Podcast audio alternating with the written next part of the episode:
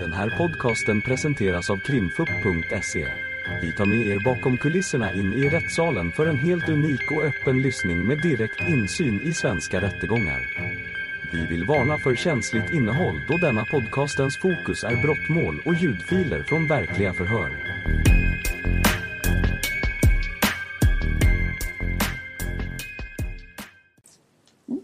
Har vi vittnesförhör med Louise Kindgren. Varsågod åklagaren och inleda. Ja, tack. Ja, det är egentligen två delar som jag ska höra dig om. Det är dels lite allmänt om eh, Zoes eh, liv och eh, vårdbesök och så vidare. Och sen är det då om hennes längd och viktutveckling. Så det är det. Men först vill jag att du ska berätta för oss om eh, din, eh, din kompetens och erfarenhet och vad du arbetar med. Ja, eh, jag är specialistläkare i barn och ungdomsmedicin. Jobbar på Skånes universitetssjukhus på barnkliniken. Där tillhör jag en sektion som heter akut infektion och socialpediatrik. Där jag är huvudansvarig för socialpediatrikdelen. I den delen ingår eh, att arbeta med barn som far illa och brottsutsatta barn. Jag gör dels hälsoundersökningar på begäran av socialtjänsten för placerade barn och jag deltar vid barnahus eh, som medicinsk mm kompetens. Eh, och eh, granskar då journaler på barn som har varit misstänkt utsatta för brott. Och eh, du har ju då, eh, har, du träff, har du träffat Zoe någon gång? Det har du inte gjort. Och du har inte träffat föräldrarna heller? Nej, det har jag inte. Nej. Och eh, du har ju då blivit anlitad av oss för att titta på eh, Zoes underlag då.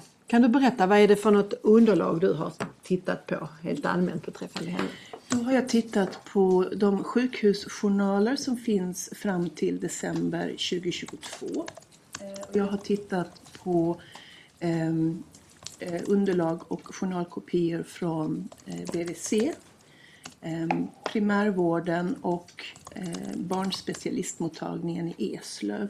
De går då under en, ett annat journalsystem som heter PMO medan vårt journalsystem på sjukhuset heter Melior.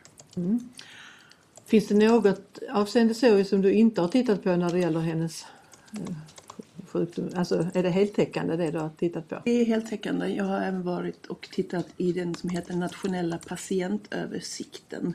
Som är sammanhållen journalföring eh, som då ska täcka in eh, all journal, alla journaler som finns. Eh, Skulle jag kunna då be dig berätta eh, så får jag ställa frågor sen till dig om du tycker att det blir för Absolut. eh, om jag ska begränsa dig på om Zoe från alltså, i stora ordalag från det hon föddes och fram till här och kanske då ha begreppet hjärnskada och självskadebeteende och eh, vårdbesök som eh, utgångspunkt om man säger de hållpunkterna. Absolut. Ja. Jag har anteckningar med stödord. Får jag lov att använda dem? Om det bara är stödord, men Det är bara stödord. berätta fritt. Men om det bara är stödord för minnet så är det okej. Ehm, då har jag från journalen på sjukhuset hämtat från neonatalavdelningen som är den första instansen som är aktuell. Eh, Zoe är född i vecka 31 plus 4. Det betyder att hon är för tidigt född. Och hon eh, föddes med eh, fel ände så att säga. Hon kom ut med rumpan först. Det kallas för sätesfödsel eller sätesbjudning. Um, så vitt jag förstår så var det så att ehm, hon kom in för att ehm, vattnet hade gått tidigare eh, i förlossningen och då har man då extra kontroller. Eh, och när de sen kommer in så verkar det som att det har gått ganska så snabbt. Man har undersökt och upplevt att det fanns fosterdelar som stack ner eh, ett ben eller en fot. Eh, och då blir man bekymrad så man tar till förlossningen. Ehm, hon föds vaginalt, alltså ehm, det vanliga hållet, men fastnar sedan med huvudet. Och då får man, hon sitter fast ett par minuter i alla fall, vad det står i journalen. Och då får man dels ge nitroglycerinspray och man får även göra klipp eh, på mamma för att få ut henne. Eh, och eh, när hon kommer ut så är hon blek och slapp och har ingen egen andning. Eh, så hon tas till upplivningsbord eh, och där man då stimulerar genom att man, som man brukar göra, att man, man torkar av. Man kopplar upp och så börjar man ventilera med en sån här andningsblåsa för att få ner luft i henne. Eh, och då stiger snabbt pulsen upp eh, och hon eh, behöver fortsatt stödjas med ehm, ventilation. Hon får Apgar-poäng vid en minuts ålder på två. Vid fem minuters ålder har det stigit upp till fem och sen vid tio minuters ålder så har det stigit upp till sju. Och vad är det? Jo, alltså Apgar-poängen är um, en poängsättning man ger nyfödda barn. Uh, och då är det att man tittar på hjärtfrekvensen. Um, och då vill man ha en, helst en hjärtfrekvens över 100. Uh, är det under 60 så börjar man att göra hjärtkompressioner för då tycker man det går för långsamt. Man tittar på andningen. Man tittar på hudfärgen. Eh, man tittar på tonus, alltså om barnet är helt slappt eller om det är spänt. Och man tittar på färgen på barnen. Och då upprepar man då med fem minuters intervall för att få en, en känsla av hur, hur barnet mår och hur man repar sig. Um, och när man har väldigt låga Apgar-poäng, framförallt efter 5 och 10 minuter, då är man bekymrad. Då är det ett tecken på att barnet inte mår bra. Zoe um, hade det tufft precis vid en minuts ålder. Uh, och sen hämtar hon sig ändå uh, så att hon har fem och sedan sju uh, vid 10 minuters ålder. Mm. De allra flesta barn brukar ha avdrag för färg när de föds. Man är lite blålila innan man kommer ut och sen brukar man rosa på sig efterhand. Eh, man suger även rent i eh, andningsvägarna och sen så stoppar man ner då en andningstub för att hjälpa henne att andas. Hon tar enstaka andetag själv men hon glömmer liksom bort att hon ska fortsätta andas och då får hon stöttas med den. Mm. Det jag tänker på är det någonting som tyder på att hon har en hjärnskada Eh, här och där och då och sen framöver. Det, det, vi... det, det går inte att säga då. Ehm, man kan ju säga det att det har ju varit jobbigt för henne själva det här att komma ut. Vid fem minuters ålder så tycker man att hon rycker i högra benet i ungefär 15 sekunder. Det är ett observandum. Ehm, men som sagt, hon hämtar sig väldigt fint när hon får hjälp med att andas eh, och får hjälp att syresätta sig. Så där och då Ehm, så har man liksom extra ehm, aktsamhet eller man, man, man är väldigt fokuserad på, ehm, på henne men det går inte att säga någonting om någon hjärnskada där och då. Um, sen framöver, hur är det med den? Ja, men sen framöver, när jag läser journalanteckningarna från neonatal så tycker jag att hon hämtar sig väldigt fint. Mm. Redan när de kommer fram till neonatalintensiven så kan de faktiskt plocka bort tuben ur halsen på henne för då har hon börjat kunna andas själv. Mm.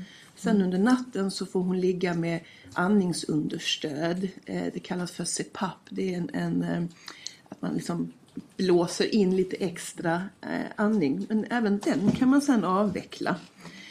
Um, ja, för det jag tänkte, hur blir det sen när hon eh, lämnar eh, neonatal? Är det någon uppföljning från neonatals sida? Det är det alltid. Mm. Um, och det finns olika protokoll man följer beroende på när man är född, mm. i vilken vecka. Det är ju väldigt stor skillnad om man är född i vecka 27, 28 mm. eller man är född efter vecka 30. Mm. Men det finns ett långtidsuppföljning som föräldrarna eh, eller föräldrar och barn, eh, prematura barn erbjuds. Hur var det i detta med Zoes fall? Hon erbjöds eh, dem och eh, följde fram till eh, att eh, man uteblir från 10 månaders kontrollen och sen tackar man nej till vidare uppföljning. Mm. Så fram till tio månader så, så följde man det och sen efter det så har man tackat nej till. Man tackat nej, nej till, ja. ja. Eh, det här med, för det påstående under utredningen som du vet om att hon har. en hjärnskada och att det yttrar sig på olika sätt då. Finns det någonting i journalerna som du har sett där det står dokumenterat att hon skulle ha någon hjärnskada? Nej, det gör det inte. Jag har tittat på BVCs journaler. Där har hon klarat alla de mål som man eh, förväntar sig att barn ska kunna i den åldern de ska. Mm. kan du berätta om det, BVC-besöken? Hur, I vilken utsträckning har det varit? Um, jo, men BVC har också um, följt henne. Det har ju gått parallellt fram till 10 månaders ålder. Att man har både varit på BVC, man har varit ehm, på neonatalmottagningen. På BVC så följer hon fint fram till tre års ålder. Ehm, man pratar lite grann kring eh, hur, hur man har det ehm, och hur man upplever att Zoe är. Men hon följer, hon kan och klarar av de stegen som hon ska. Och då är det ju vid olika BVC-åldrar så ska man kunna olika saker. Enligt journalen så har hon klarat alla de sakerna som hon ska. Um, och det var fram till, du sa, tre års ålder? Sen mm. blir det lite um, Sen under eh, hennes fjärde levnadsår, då 2021, eh, så kallar BVC upprepade gånger till eh, besök. Ehm, men man uteblir eller avbokar väldigt sent från alla de besöken. Så hon får inget fyraårsbesök. Jag tror att jag räknade till åtta eller nio gånger som de var kallade till BVC-kontrollerna. Och till slut så sätts hon istället upp på femårsbesöket som är det avslutande besöket inom eh, barnhälsovården innan skolstart. Det, fungerar det så om inte föräldrar dyker upp? Det är frivilligt då eller hur? Eh, BVC är frivilligt, ja. absolut. Eh, det är ju någonting som majoriteten, den absoluta majoriteten av alla barn går på. Eh, just därför att man följer barnens utveckling eh, man följer barnens längd och viktutveckling och eh, man får sina vaccinationer. Det är till BVC man oftast vänder sig om det är saker som man funderar över kring sitt barn. Mm.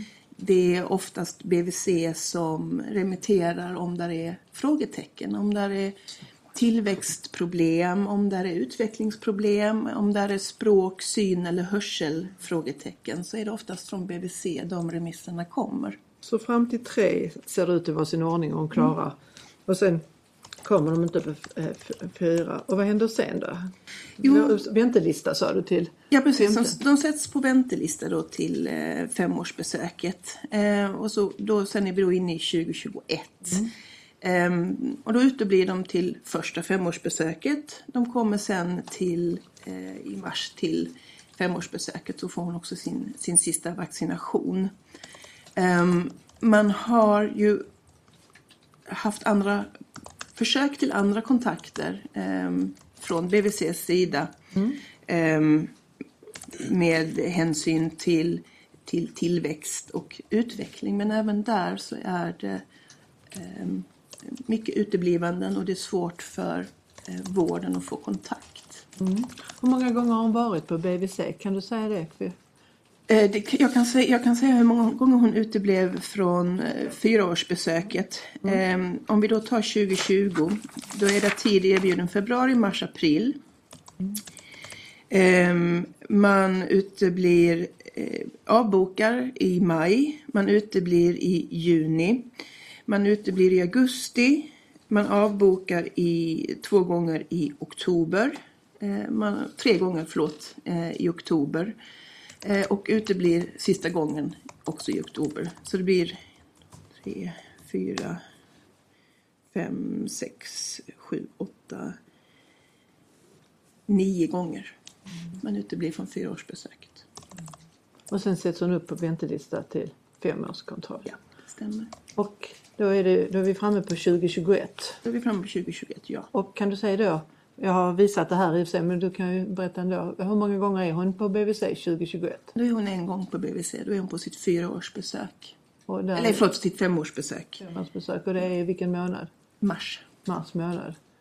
Är hon inte där en gång till senare i juli månad? Eh, jo, men sen är det så att Kan du berätta? Ja, ja, Ja, berätta du kan börja där i mars och berätta. Så. Ja, nej, Men hon, hon kommer på sitt eh, femårsbesök i mars. Ehm, och ehm, det som bekymrar då är att hennes tillväxt har börjat plana. Eh, och då är det framförallt längd man tittar på då. Ehm, och det finns en eh, anteckning från april månad från BVC-läkaren eh, där hon säger att två år tidigare, alltså då 2019, så ligger hon på medellinjen i, tillväxt. Vilket är hennes förväntade växt utifrån föräldrarnas eh, egna längder. Och att hon nu har planat, så nu ligger hon på minus 1,5 standarddeviation. Det betyder alltså att hon har skurit flera kanaler. Det upplever man ju är bekymrande och då planerar man för en ny längd och vikt i juni månad.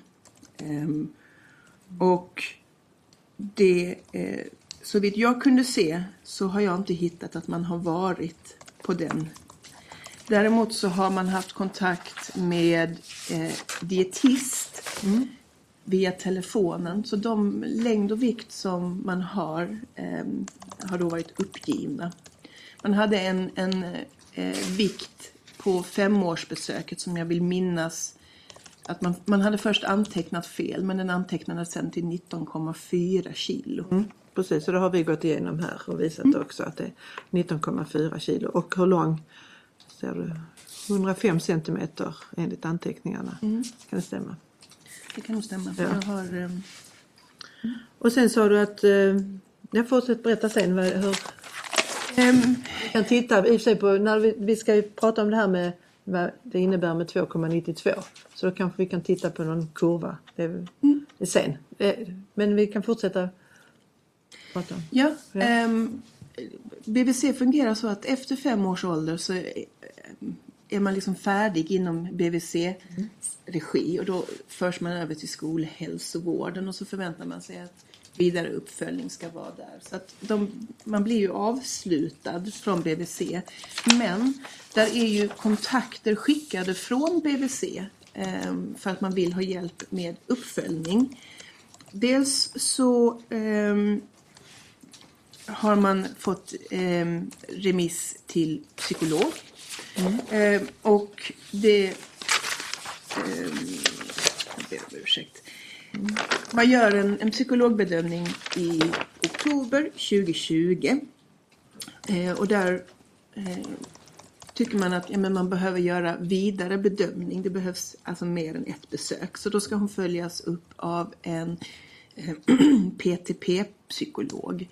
Det är alltså en psykolog under utbildning eller en, man kan säga en, en, en AT-psykolog. Alltså man är på väg att bli fär, helt färdig. Ehm, och sen så har man ehm, kontakt med psykolog eh, 20, ehm, 21. Ehm, där man talar i telefon vid ett tillfälle i mitten på april. Sen avbokar man psykolog i starten på juni.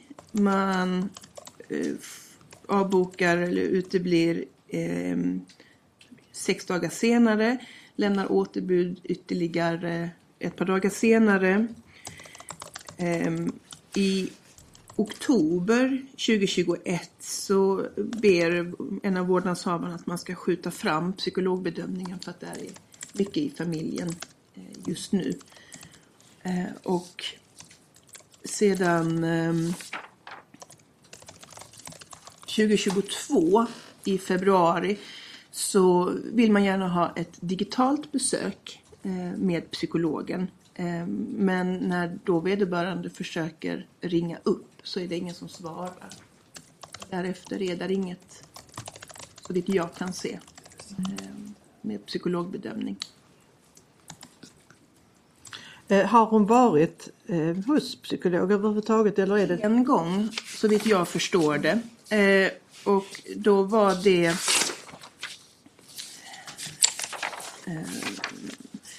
första i tionde 2020. Då eh, bedömer psykologen att hon upplever, eller förlåt, eh, psykologen upplever att eh, Zoe ger ett yngre, mindre intryck. Eh, men hon pusslar bra, ehm, ger bra kontakt. Och så blir det en remiss som jag förstod det till. Uppfylla det och sen så kommer de inte på besöken. Är det så? Precis, det blir inte en remiss utan man planerar en uppföljning helt enkelt. Att eh, hon ska komma och göra vidare testningar. Och så gick du igenom här ett antal försök men de har inte kommit. Och sen var det någonting med en, eh, är något du känner till om en remiss till eh, fysioterapeut? Ja, eh, det är där också. Ehm, när Och vad den bygger på? Ja, det, alltså man, man gör ett, ett samlat grepp eh, från BVC. Att man remitterar till psykolog för utvecklingsbedömning. Man remitterar till eh, fysioterapeut för en motorisk, alltså muskulär bedömning. Och man remitterar till dietist för eh, hjälp med eh, tillväxten, vikt och sedan efterföljande längd. och blir det några sådana besök hos? De är på ett besök hos eh, fysioterapeuten. Eh, och eh,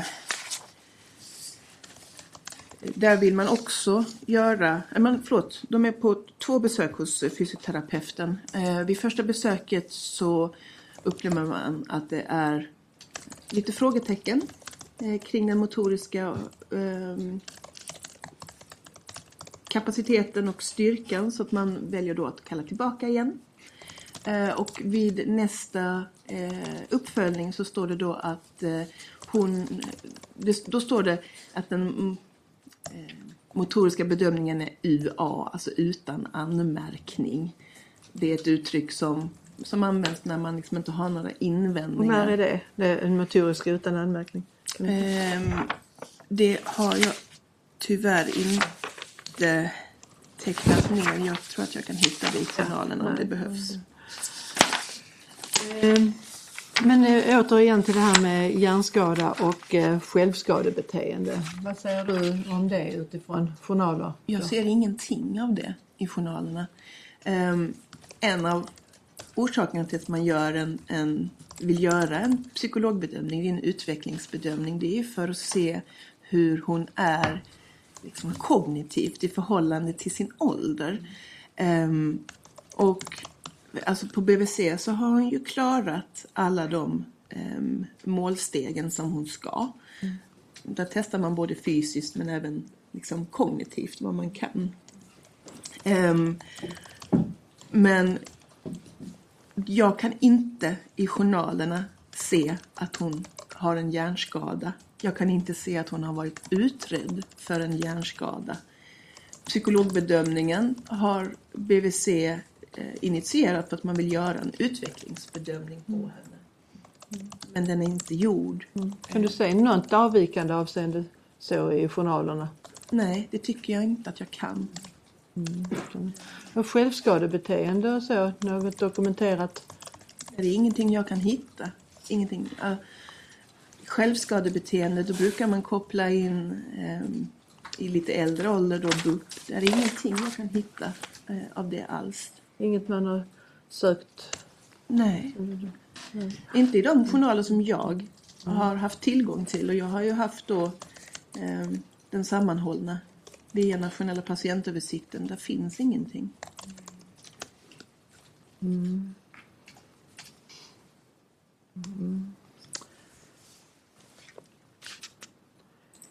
Det här med, det är någon skolläkare, mamman ska ha sagt att någon skolläkare har sagt att, att det skulle vara någon hjärnskada med grå och Och vit ja, substans. ja, du känner till det. Ja. Vad säger du om det? Kan eh, skolläkare uttala sig om det? Eller vad? Nej. Har du jobbat själv som Jag skola- jobbar som skolläkare. Ja. Eh, det är ingenting som vi ehm, uttalar oss om. Som skolläkare kan man göra eh, är man en del i en eh, bedömning om inför en eventuell placering i anpassad skola, det som tidigare var särskolan. Men att göra en sån utredning kräver att man eh, gör massa olika typer av undersökningar på barnen. Det här med vit och grå substans eh, tror jag kommer från att man gjorde ett ultraljud på henne eh, när hon föddes den 10 januari. Ehm, och då gör man ett ultraljud på hjärnan eh, och då så man ser ingen, ingen eh, stor blödning och sen står det möjlig nedsatt diskrepans grå vit substans. Alltså att eh, det, som jag läser det så ser det ut som att det, det är svårt att särskilja att det går lite grann in i varandra, den grå och den vita substansen. Är det fel om du gör det eller? eller? Det, det, alltså det, det handlar ju om hur hjärnan är, är liksom utvecklad. Jag är inte barnneurolog så jag kan inte liksom ge ett exakt svar på det. Men en av orsakerna till varför de gjorde ultraljudet av hjärnan var att man misstänkte att hon kanske hade haft en, en kramp. Ehm, och då, då vill man se, med tanke på förlossningen där hon sitter fast, Eh, så vill man då titta efter om där är eh, har några framförallt hjärnblödningar och det ser man inte. Eh, och sen så ultraljud är en ganska grovkornig undersökning på det sättet. Om man tänker att ett barn har en hjärnskada, en förvärvad hjärnskada, så är min erfarenhet att eh, då kopplas barnneurologerna in eh, och då brukar man i alla fall överväga att göra magnetröntgen av hjärnan. eh, Har det, har det hänt? Har Nej, Nej. det har hon inte. Alltså, jag tjatar om detta med hjärnskada för det har ju en det, det. Men kan du utifrån att ha läst alla journaler tänka ut var kan föräldrarna fått detta ifrån att de ska ha en hjärnskada? Kan de ha fått det från sjukvården på något vis som du ser det? Det kan, jag inte, det kan jag inte svara på. Eh, Jag kan inte se i journalerna att där är... Ja, jag tänkte det utifrån journalerna menar jag. Jag, nej, jag, Sen vad läkare har sagt eller så det är ju en annan sak. Men utifrån när du läser journalerna kan de nej, jag kan inte se att, att det ska finnas anledning till att hon ska ha haft en hjärnskada. Um, det är om, om, om vårdnadshavarna har tolkat att förlossningen var tuff. Men samtidigt så har ju flickan hämtat igen sig fantastiskt fint både på BVC och neonatologmottagningen. Och jag tänker att hade min personliga uppfattning är att om man är så orolig för en hjärnskada hos sitt barn så tycker jag det är konstigt att man då eh, avvisar den hjälpen som neonatalmottagningen erbjuder med uppföljningar. Men det är min personliga åsikt. Jo, men eh, det, jag ser ingenting i journalen som... som ger, nej, om det är något i journalen som ger dem liksom skäl att tänka att vårt barn har nej. Och neurologer är inte inkopplade och, och ja, någonting. Ingenting. Nej. Nej. nej. Eh, det här med remisserna igen, bara en kort fråga. Alltså, vad, vad är det som gör att man, man skickar eh, remisser om man upplever henne som eh, Jo, eh, normal? nej, man... ehm, vårdnadshavarna upplever att hon är annorlunda än de andra barnen. De upplever att hon har haft episoder där hon har försvunnit, alltså i kontakten. Ehm, och sen står det också när det är psykologbedömningen att hon vill vara pojke. Att hon identifierar sig som, som pojke. Ehm, och det är därför som man vill ha ehm, kontakt. Ehm, det här är i mitten på maj 2020. Man är orolig för hennes utveckling och då vill man då eh, ha hjälp om bedömning med det.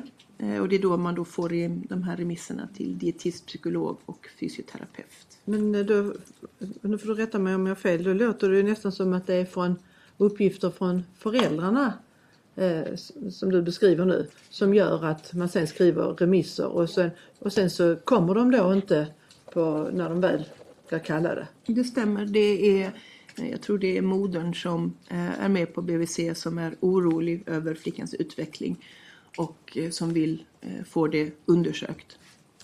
Så det är på föräldrarnas... eh, Eller på, Tänker du om detta? Det, Men jag tänker på samma sätt att signalerar man att man är orolig, att man tänker att det är någonting som inte stämmer med mitt barn och får då um, vidare remittering för utredning, då tänker jag att man går på de ehm, uppföljningarna för att få veta.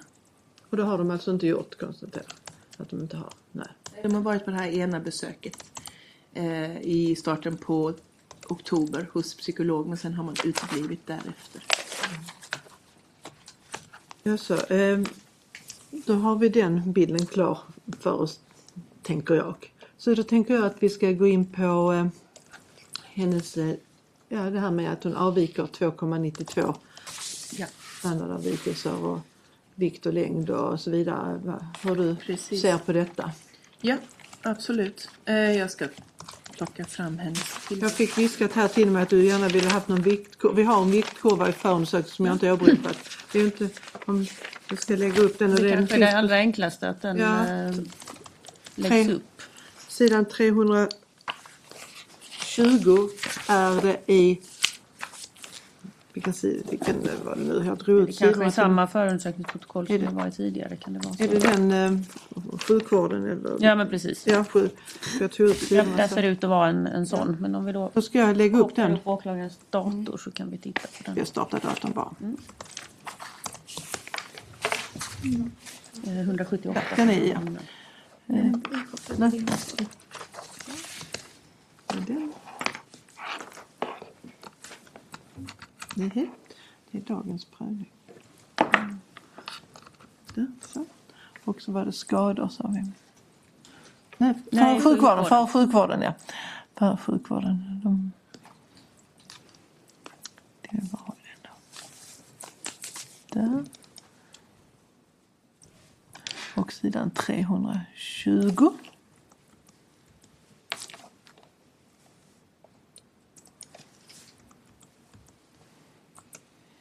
Så, och så ska vi vända den.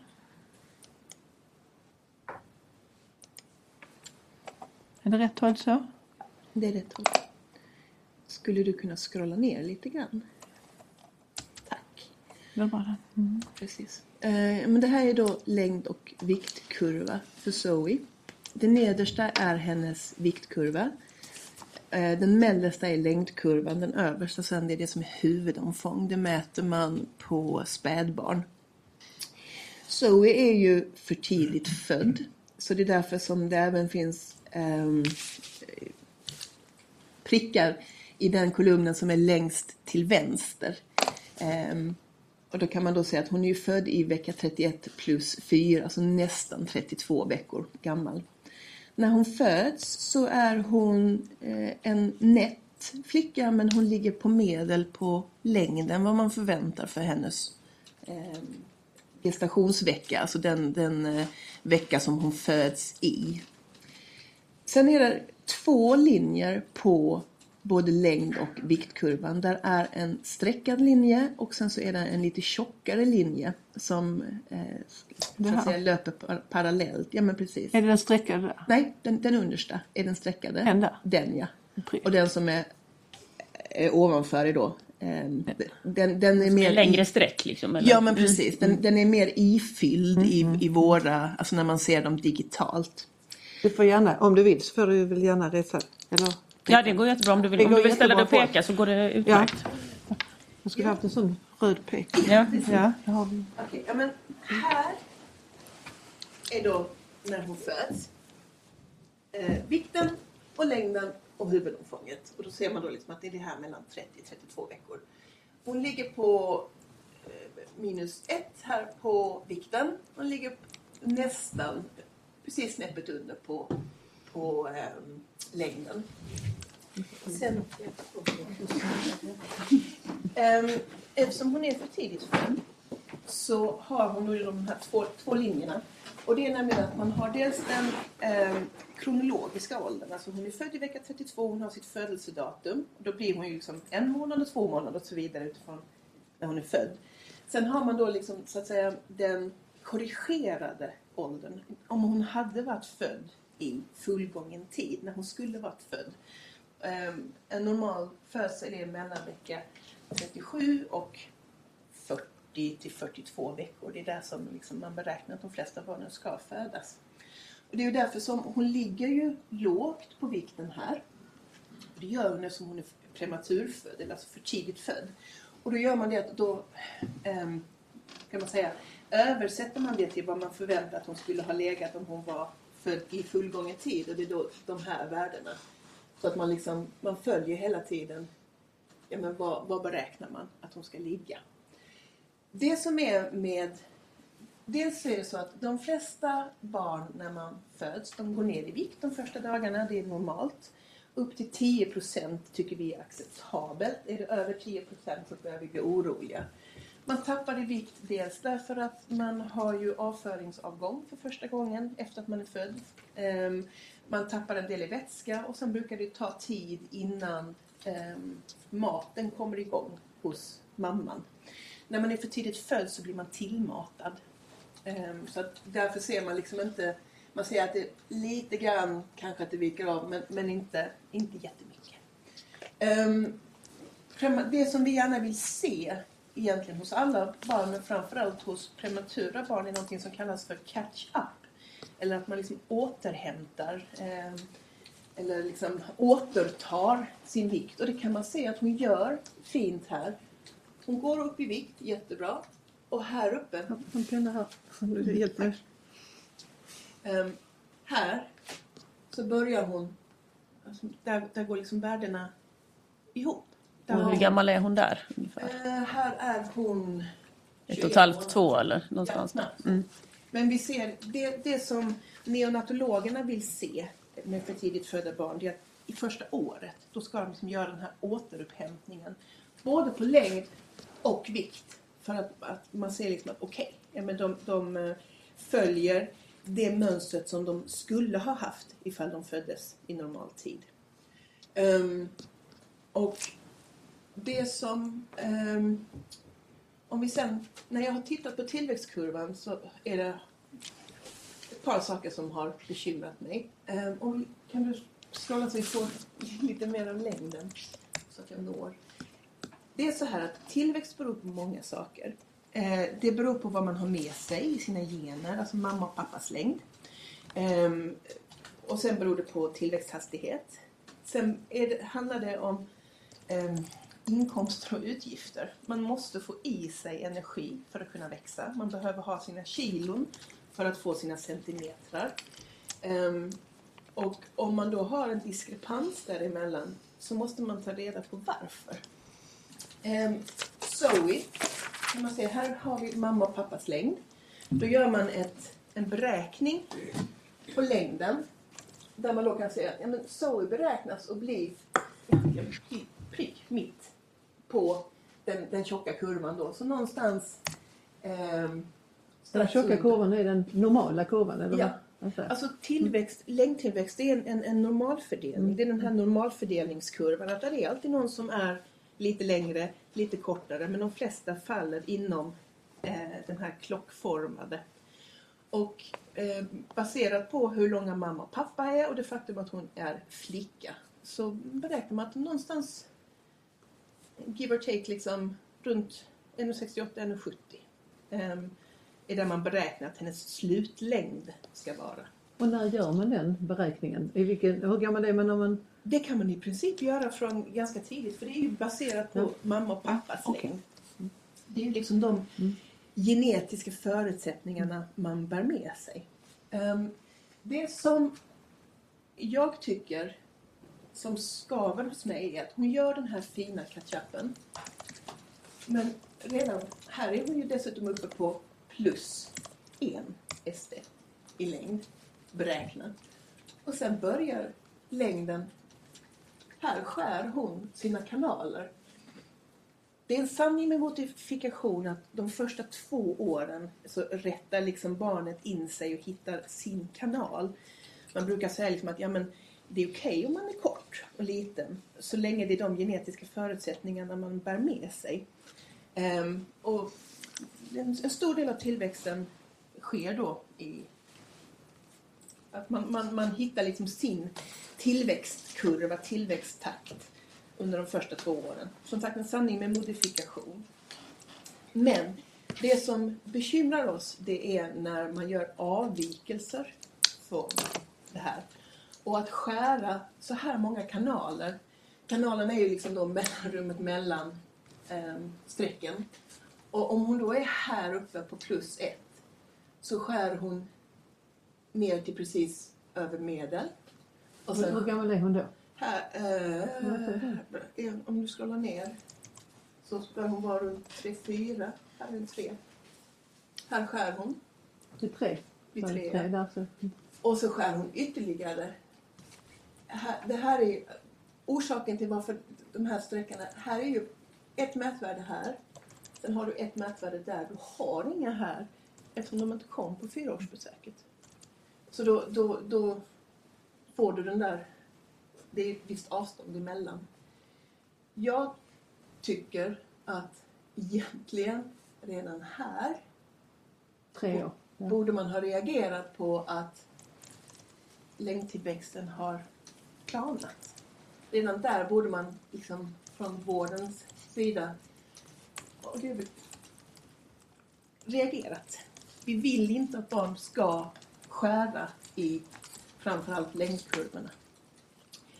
Hon ligger hela tiden här och tuffar på. Då är det ju ett värde här och sen är nästa värde där. Det är de, det är de vi ser här. Mm. Ehm, 2021. Och sen börjar, Och det är ju då femårs... eh, precis. Här har hon två värden. Där det första här är då, då väger hon 19,4 och nästa är då 18,2. Och det är de besöken i där, 15 mars Ja, och den precis. 13 juli Ja. 21. Och det är ju ett kilos skillnad. Där vägde hon 19,4 och sen Ja. 18,2 Precis. och så har vuxit en centimeter. Ja, vad säger du om det? Redan där, 20, sommaren 21. Jag tycker att det är bekymrande att... Eh, dels är det bekymrande att hon har gått ner i vikt. Det kan bero på olika saker. Men det bekymrar mig att... att jag liksom inte... va- Vad tar hon vägen? Vem, vem följer upp på det? Ehm, det bekymrar mig. Men sen är det tomma rutor. Är det tomma rutor. Det här är ju primärvårdens. Ehm, Så vi, här har vi ju inte Mm. ehm, alltså specialistvårdens eh, värden. Som sen då kommer här eh, från, eh, från sjukhuset. Så det man ser då det är ju att där gick vikten ner Mm. ännu mer. Ja, det var det jag tänkte säga. Tiden däremellan de sista mätvärdena och fram till december 22. Finns hon någonstans? Inte som jag kan se. Nej, för det är det jag menar. Kan du se henne någonstans? Nej, det kan jag inte. Ehm, och här... Här ligger hon liksom... Hon ligger på medel. På, på, på vikten. Hon ligger och tuffar på. Ehm, och så händer, så händer det någonting här. Och hon börjar gå ner i vikt. Och då... ehm, det bekymrar mig. Mm. Och om vi fortsätter sen där, sen kommer hon ju in till sjukhuset och så väger hon ju 16,2 kilo Mm. och, och då var hon 117 centimeter nu. Ja. Vad, vad, jag har ju tittat på det också. Vad innebär detta när det gäller så istället att hon har eh, att det är så stor avvikelse? Alltså då har hon ju gått ner ytterligare två kilo sedan senaste mätvärdet. Jag, jag vet ju inte hur tillväxtkurvan har sett ut Nej. däremellan. Um, men det, det är en markant ändring. Alltså minus två. Det är här nere. Mm. Det, är ju, det är ju verkligen ett, en jätteförlust i vikt. och, och som läkare, hur eh, tänker du om du hade om de nu hade kommit med så och hon du hade sett detta? Så hade Va? jag blivit rädd och Hade du- orolig. För att, varför då? Hade du blivit rädd? Eh, till att börja med så hade jag blivit... Du får gärna sätta dig igen om du vill, om du är färdig med, med kurvorna. Ehm, jag hade tänkt att någonting måste ha gjort att barnet har gått ner i vikt. Ehm, och det måste man ta reda på. Och då är det då måste man göra en ordentlig utredning. Och barn som är i förskole, skolåldern, men det är allting från att man måste ta reda på om de är glutenintoleranta. Um, har man en eh, sjukdom i sin ämnesomsättning? Kan man ha sjukdom i mag-tarmsystemet? En inflammatorisk tarmsjukdom? Att man inte tar upp den näringen som man får i sig? Um, man frågar om man frågar om barnets ätmönster, man frågar om avföringen. ehm, för att få en, en bred bild av barnet. Eh, och det, det, det tycker jag borde ha gjorts långt tidigare.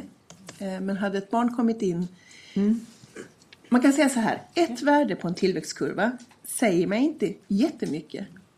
Um, utifrån att ehm, det, det, det är här och nu. Men däremot när de avviker så mycket, då säger det mig att det här är någonting som måste utredas.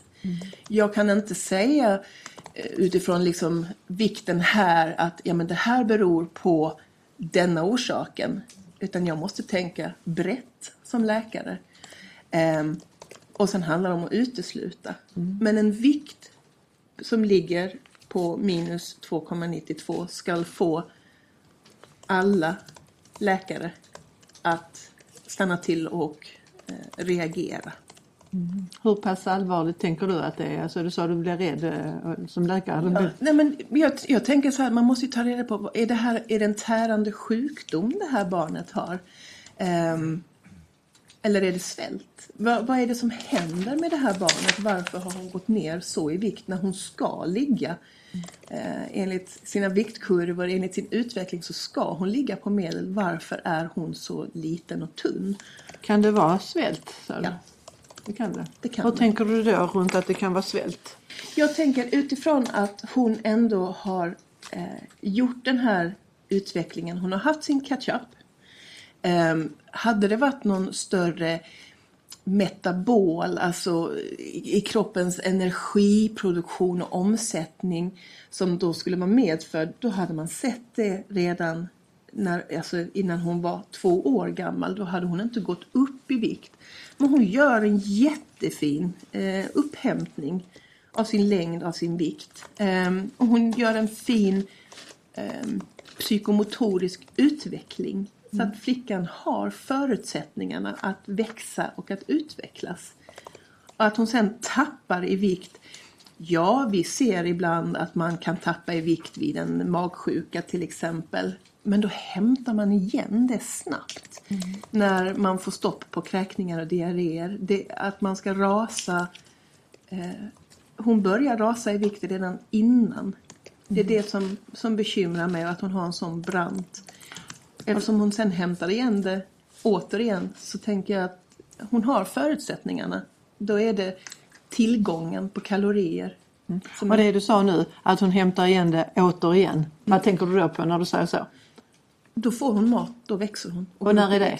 Det, här, det är ju efter att hon eh, har kommit in till sjukhuset. Ja precis, för då har vi ju också visat att hon går ju upp i vikt när hon sen kommer under vård. Den tillväxtkurvan har jag inte. Nej. Men, men det är, eh, hon gör ju en, en vändning. Så att, eh, eh, och sen konstaterar vi återigen, bara så vi inte, ja, att det här med att de har inte sökt vård för några mystiska sjukdomar eller så, som du har sett det. Och de, de möjligheter som man har haft har man uteblivit ifrån. Sen har jag också förstått när jag läser ditt eh, förhören med dig att eh, du väger in det här med att hon inte växer på längden. Och du sa det innan, man, man måste ha kilorna för längden. Kan du berätta, kan du bara av eh, längdutvecklingen säga någonting om det kan ha någon relevans när det gäller svält eller något annat? Ja, men alltså, kroppen prioriterar när man svälter. Ehm, den, den prioriterar att skapa näring till, till hjärnan och de inre organen. Barn som inte får tillräckligt med energi ehm, har inte, klarar liksom inte av att producera de tillväxthormoner i den mängd som de behöver. Ehm, så då står man stilla i längden eller att man då så att säga planar. Du tappar ju inte, de centimeter du har fått, de tappar du inte som du kan göra med kilorna. Utan att då är det att man, att man står still. Det är det man ser på, på längdkurvan, hon har ju inte gått ner i längd, men hon växer inte. Däremot så tappar hon i vikt. Eh, förstår jag det rätt att det är en indikator på att hon har blivit utsatt för eller, Alltså man kan säga så här. Hon har förutsättningarna för att växa med sig. Det är, det är hon, hon, har, hon har generna till det, hon har kapaciteten till det. Sen, börjar, sen så går hon ner i vikt och sen så kommer även längden efter.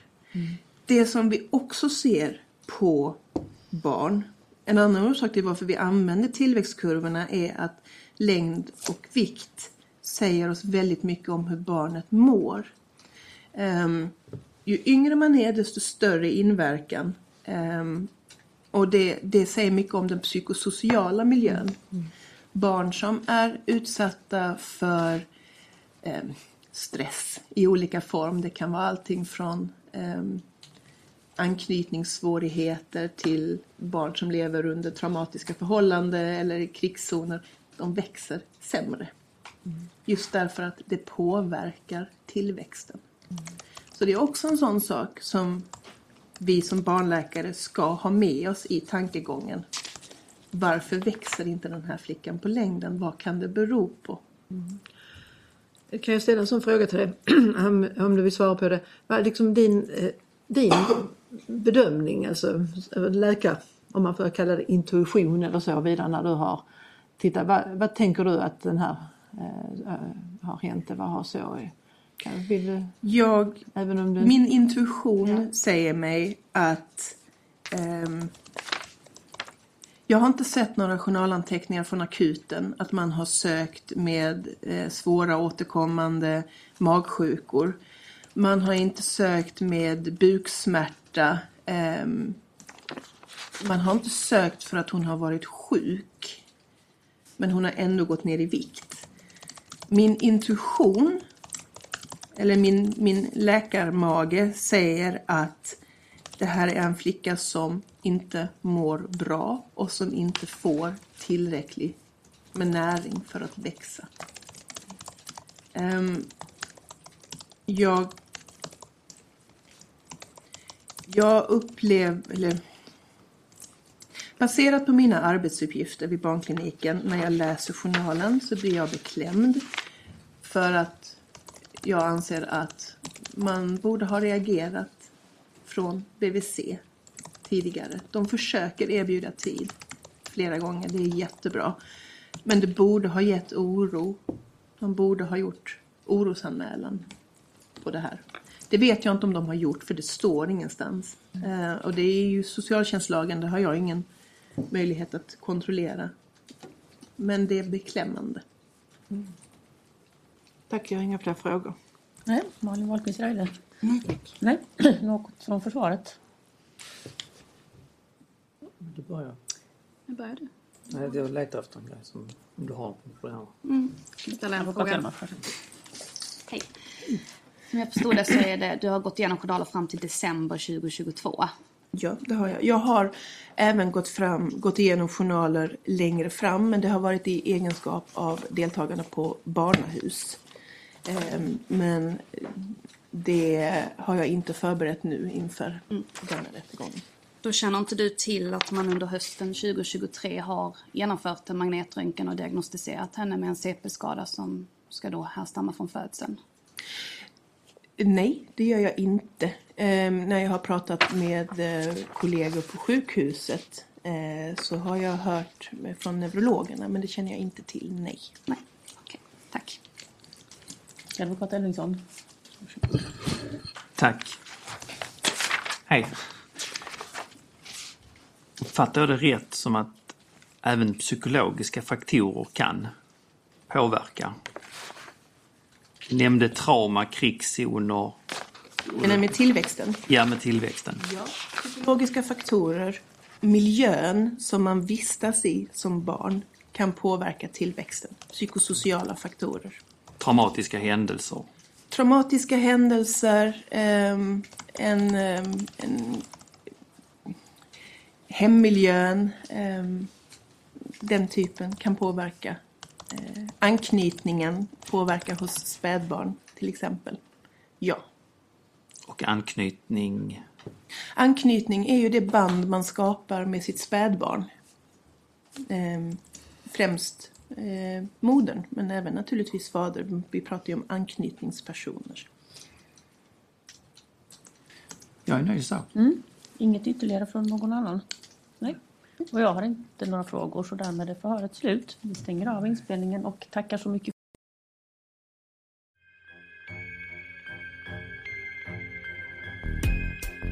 Ni har lyssnat på ett avsnitt av Krimfupps podcast. Tipsa gärna oss på krimfupp.se om det är någon speciell rättegång ni skulle vilja höra. Tack för att ni har lyssnat.